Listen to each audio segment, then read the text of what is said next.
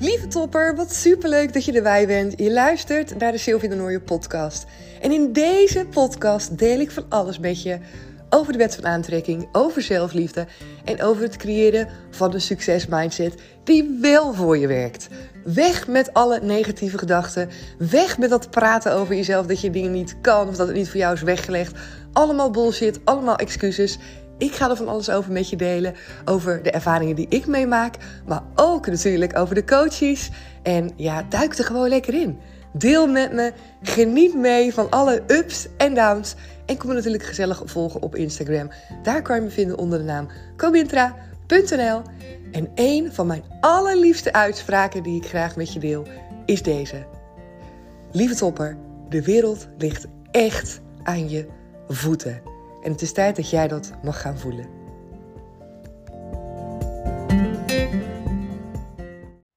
Hey hey, superleuk dat je er weer bij bent. Mijn naam is Sylvia en je luistert naar de Sylvia de Noorden podcast. En in deze aflevering wil ik het met je hebben over het stukje in ons wat bij sommige mensen wat meer is en bij anderen wat minder. Wat te maken heeft met ja, harmonie willen bewaren. De rust willen bewaren, geen ruzie willen maken het liefst niet te veel spanning willen voelen. Er zijn best wel wat mensen die, uh, ja, die daar echt wel heel erg hun best voor doen, zou je eigenlijk kunnen zeggen. Om die rust te bewaren. En tegelijk merk ik ook dat dat vaak ook mensen zijn die soms wat moeite hebben met weerbaar zijn. Die soms wat moeite hebben om hun grenzen aan te geven. En ik kom met regelmaat ook uh, nou ja, verschillende soorten dames tegen, waarbij we tijdens coachingstrajecten ook merken hoezeer ze het een ander naar de zin willen maken. Een beetje dat please gedrag.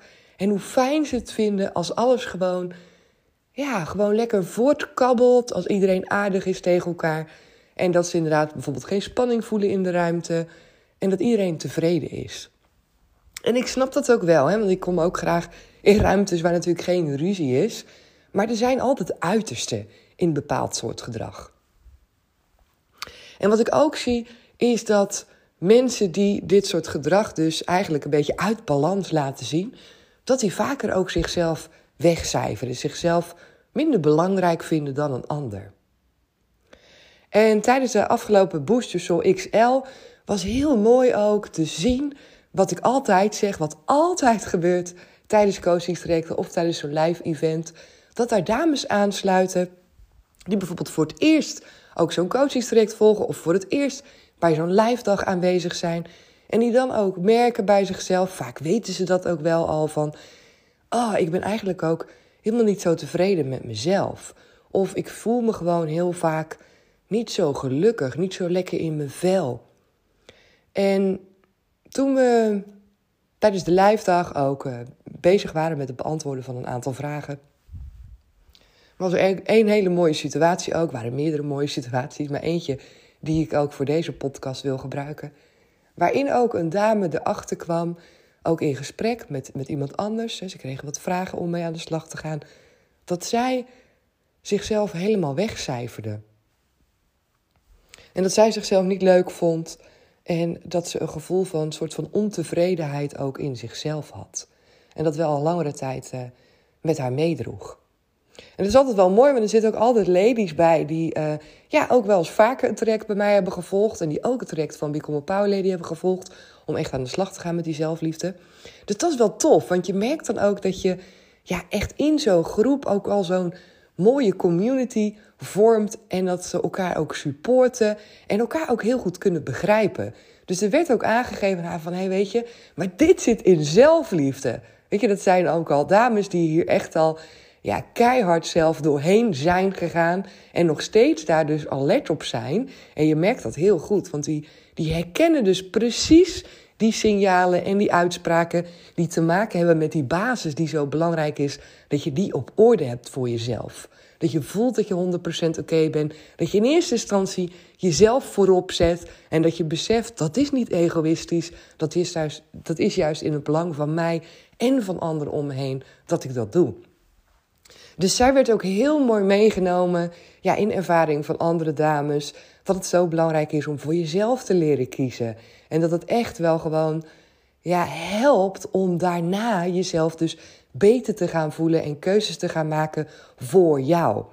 Dus ja, ik vind het mega waardevol als um, echt dat, dat, ja, dat support er is. Hè, dat je elkaar het ook echt gunt en dat er openheid is om dit soort dingen te delen. Want keer op keer merk ik gewoon dat dat goed doet ook bij andere dames. Die horen van oké, okay, diegene is daar ook al doorheen gegaan, die is daar ook mee aan de slag gegaan. En kijk hoe die persoon er nu bij ziet, zit. Je, ziet letterlijk, zie je, uh, ja, zie je het succes van een ander.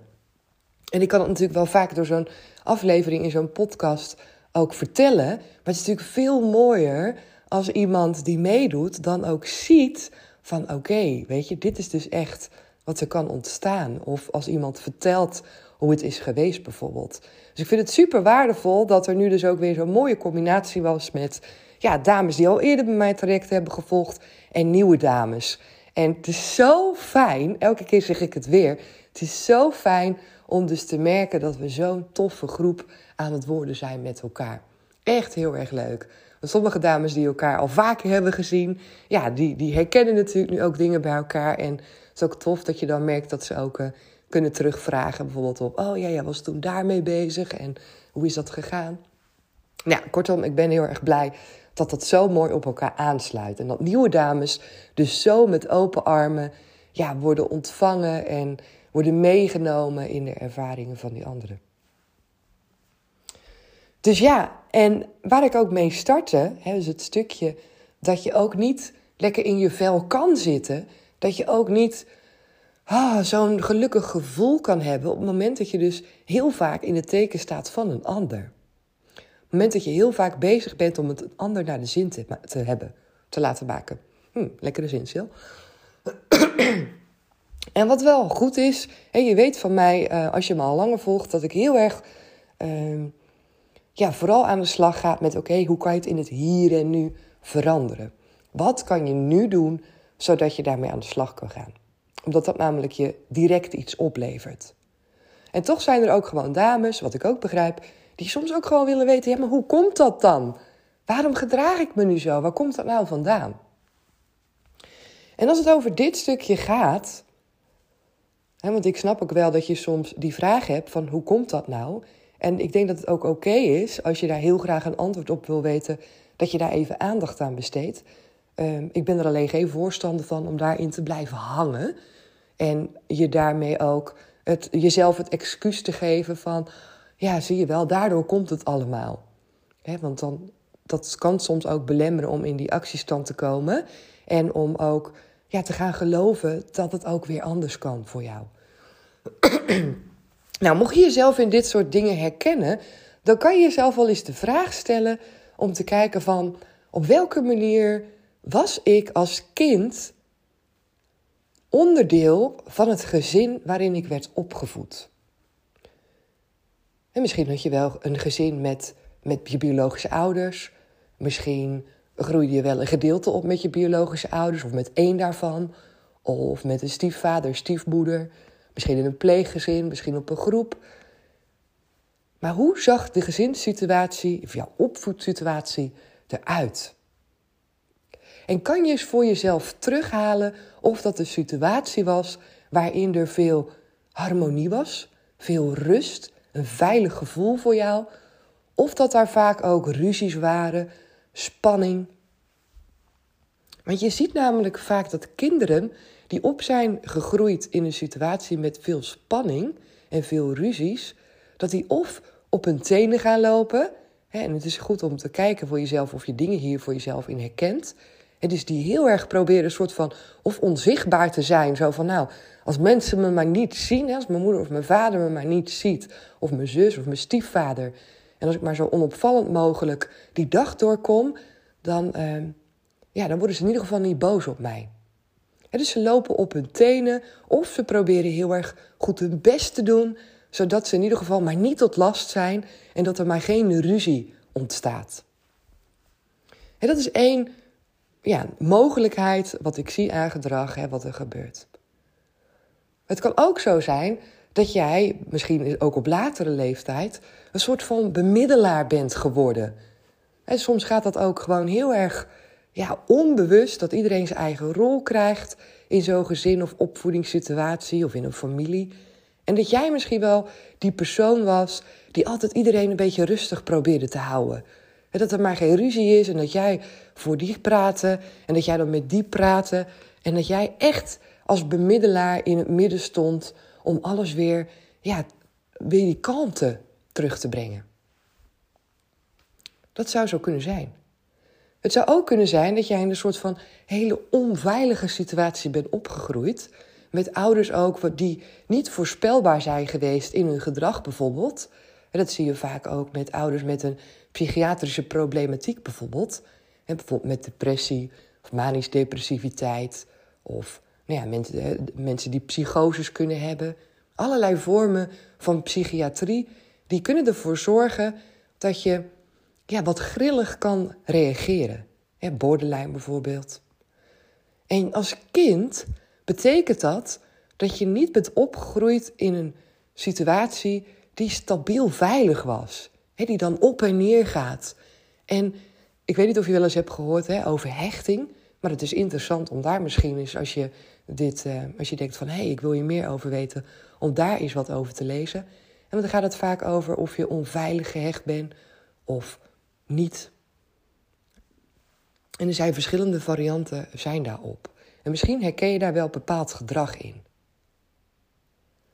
En het is, het is zo dat we als kind proberen we natuurlijk te overleven. Want als kind zijn we afhankelijk van onze ouders. we moeten nu eenmaal opgroeien in dat gezin. We zijn nu eenmaal afhankelijk van onze ouders als kind. Dus we proberen daar zo goed mogelijk boven water te blijven. Echt zo'n overlevingsmechanisme wat je als kind jezelf aanleert. Wat 9 van de 10 keer misschien het beste werkt om zo min mogelijk last te hebben van die onveiligheid die je kan voelen, van die ruzies, van die spanningen. En daarmee zet je jezelf in een positie waarbij je zou je kunnen zeggen, als je dit vasthoudt, dit gedrag, dat je later jezelf tekort doet. En natuurlijk is het zo dat je als kind zijnde ook tekort bent gekomen in wat jij nodig had om veilig te kunnen opgroeien. Zonder dat je daarmee je ouders of je opvoeders hoeft af te vallen, is het wel goed dat je jezelf realiseert dat je gewoon als kind tekort bent gekomen om die veiligheid, die basale veiligheid te voelen. Er is niemand schuldig aan, maar het is wel goed om jezelf dat te realiseren. En destijds heb je kopingsmechanismen, overlevingsmechanismen aangenomen wat jou hielp.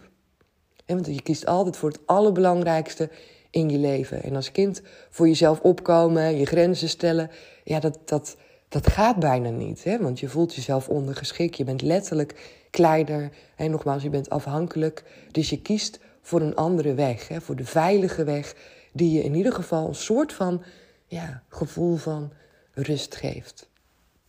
Als je later ouder wordt en je wordt volwassen, dan kan het zo zijn dat jij zo lang dat mechanisme hebt gebruikt, dat jij zo lang op die manier hebt gereageerd, dat je dat nog bent blijven doen. Dat het gewoon een soort van onderdeel is geworden van jou. dat denk je dan, dat hoor je mensen ook zeggen. Ja, ik ben nu eenmaal zo. Ik hou nu eenmaal niet van ruzie. En het is heel goed om dan te bedenken van, oké, maar is dat zo? Of is dat zo doordat ik misschien vroeger ben opgegroeid in bepaalde situaties en dat ik dat nu meer eigen heb gemaakt. Maar dat ik dat ook weer kan loskoppelen nu ik volwassen ben. En dat ik nu ik volwassen ben voor een manier kan kiezen waarbij ik wel voor mezelf kan opkomen. Waarbij ik mijn grenzen kan bewaken. En je ziet naar volwassenheid toe dat het ook vaak mensen zijn die niet hun grenzen kunnen bewaken. Die voor die lieve vrede maar heel veel gewoon laten gebeuren.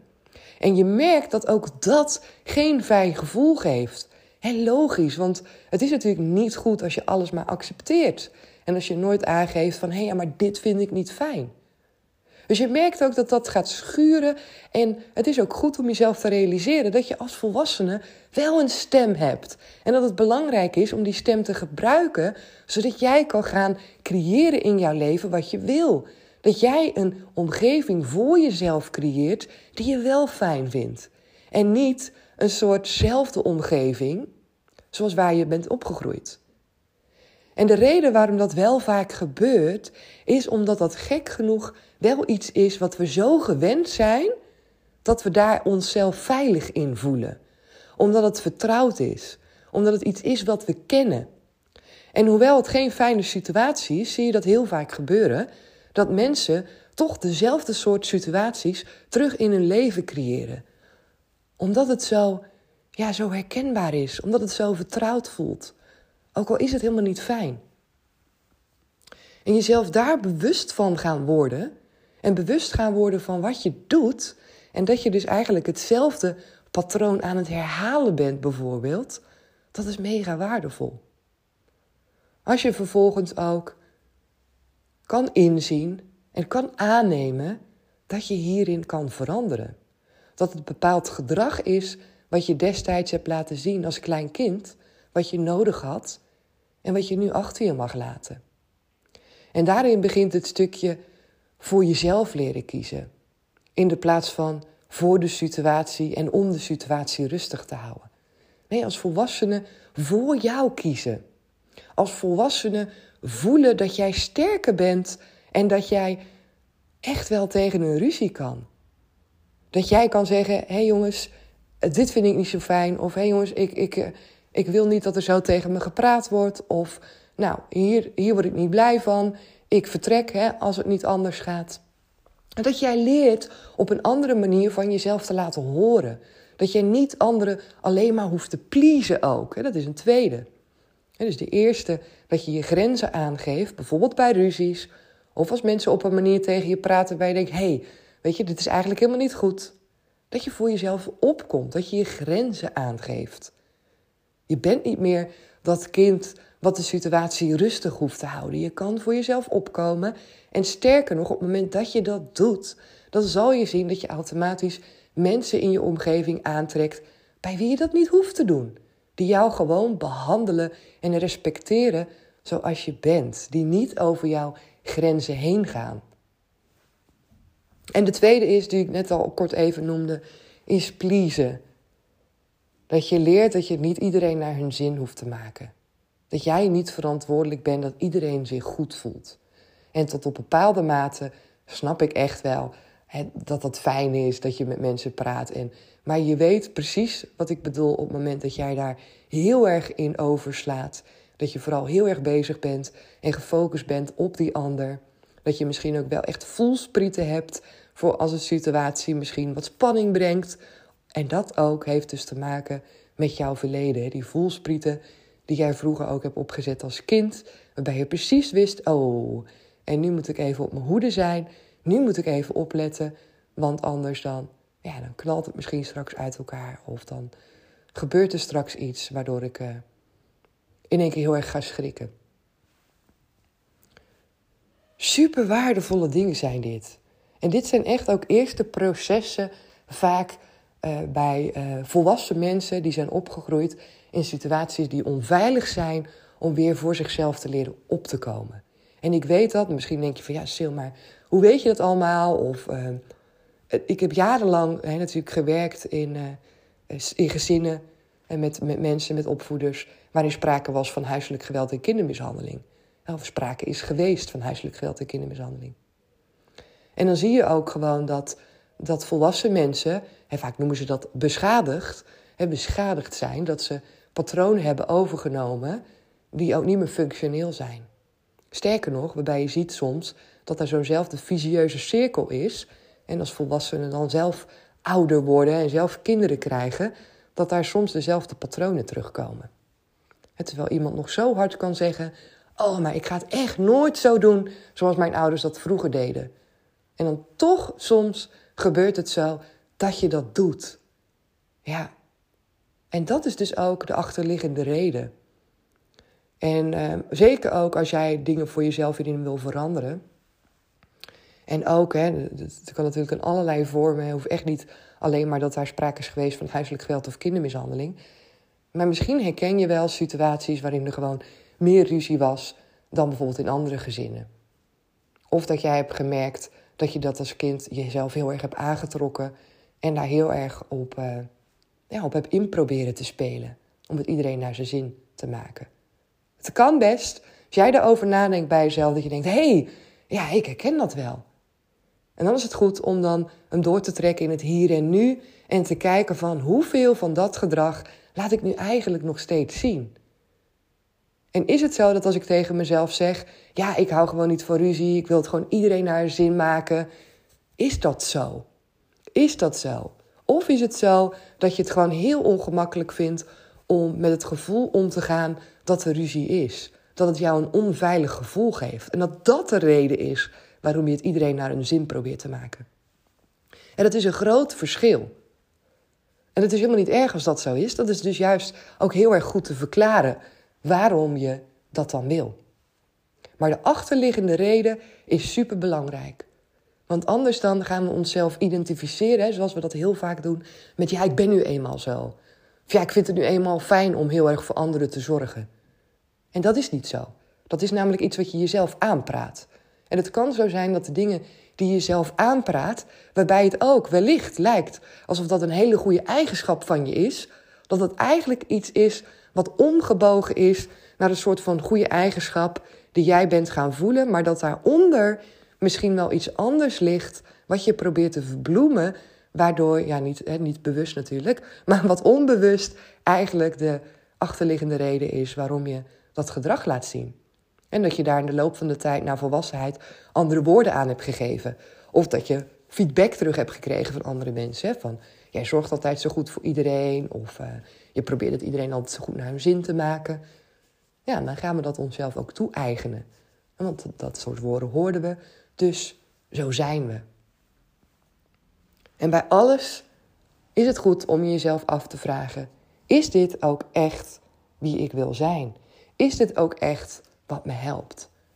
En daarbij eerlijk naar jezelf durven te kijken. Echt eerlijk jezelf in die spiegel aankijken, want we kunnen onze eigen beste saboteur zijn door dingen goed te praten die krom zijn, waarvan je van binnen voelt, maar misschien nog niet heel goed durft aan te tippen, omdat daarin soms ook ja, heel veel dingen zitten die je misschien niet meer wil zien, niet meer wil voelen, maar toch belangrijk dat je wel dan realiseert van, oh ja, maar daarmee heeft het te maken. En dat dat dus de motivatie is waardoor je daarmee aan de slag gaat, waardoor je dus wel beseft van, oké, dit is eigenlijk helemaal niet zo helpend wat ik doe. Want het maakt dat ik steeds in situaties kom waarbij mensen mijn grenzen overgaan. Of waarbij het me niet lukt om zelf mijn grenzen aan te geven. Of waarbij ik alleen maar aan het pleasen ben. Waarbij ik alleen maar in de relaties terechtkomt. Zie ik namelijk ook heel vaak in relaties terechtkomt waarbij zo'n man niet goed voor me is. Ik focus me nu even op de dames die mannen kunnen aantrekken in hun leven. Die misschien wel hetzelfde soort gedrag laten zien als hun vader destijds. Of als stiefvader of als iemand anders in de familie. Super waardevol om daar eens een keer naar te kijken. Oké, voordat de aflevering veel te lang gaat worden, ga ik hem nu afsluiten. Ik denk dat het genoeg stof is om even over na te denken. En ik kan me voorstellen dat het voor sommigen misschien ook echt even. Poef, oké, misschien wel dingen oproept. Dus neem de tijd om ook gewoon misschien nog eens een keer deze aflevering een tweede keer te luisteren. Voor jezelf eens wat dingen op te schrijven. En vooral je het jezelf te gunnen dat je ook eh, ja zegt tegen een ander leven. Ja zegt tegen voor jezelf gaan opkomen en een leven gaan creëren voor jezelf waarin je gelukkig bent, waarin je jezelf echt op die eerste plek mag gaan zetten. En met open armen ontvang ik je ook in het traject van Become a Power Lady. Als je denkt, hey Sil, ik ben daar klaar voor. Het traject volledig gericht op die zelfliefde. Ook mega waardevol om te kunnen volgen voor jou op het moment dat je zegt: hé, hey, ik wil daar meer van afweten. Ik wil meer over mezelf leren en over dit stuk. Want ja, we gaan daarin duiken en je komt heel veel dingen over jezelf te weten, waardoor je daar weer mee aan de slag kan gaan. Dus let vooral op of kijk even op de website. Als je denkt, hé, hey, ik wil hier graag aan meedoen, want ik ga de data er weer voor uitzetten. En uh, ja, het het is een heel mooi traject, helemaal niet zwaar. En dat kan je ook lezen in de reviews van andere dames. Vooral heel mooi, heel fijn, heel gezellig, maar ook heel waardevol. En niet alleen gezellig, maar je snapt wel wat ik bedoel. En we gaan ook heel leuk met elkaar om. Is niet alleen maar zwaar en boel. Maar je haalt er echt heel veel dingen voor jezelf uit. Dus uh, ja. ja, ik denk dat dat een mooie afsluiter is. En uh, ik ben heel benieuwd wat je van deze aflevering vindt. Als je er nog vragen over hebt, dingen wil weten, ja, stuur me gerust een berichtje natuurlijk op Instagram of een mailtje. Beantwoord ik met alle liefde je vragen. Voor nu, dank je wel voor het luisteren. Maak er een hele mooie dag van en heel graag weer tot morgen. Yes, super dankjewel dat je er weer bij was vandaag. Vond je het een toffe aflevering? Vergeet dan zeker niet je te abonneren op dit kanaal. Kan gewoon helemaal gratis. Vergeet me niet even die sterren te geven op Spotify of een berichtje voor me achter te laten op Instagram of op iTunes. Ik vind het super tof om van je te horen. En hoor ik je graag weer in een nieuwe aflevering. Doeg!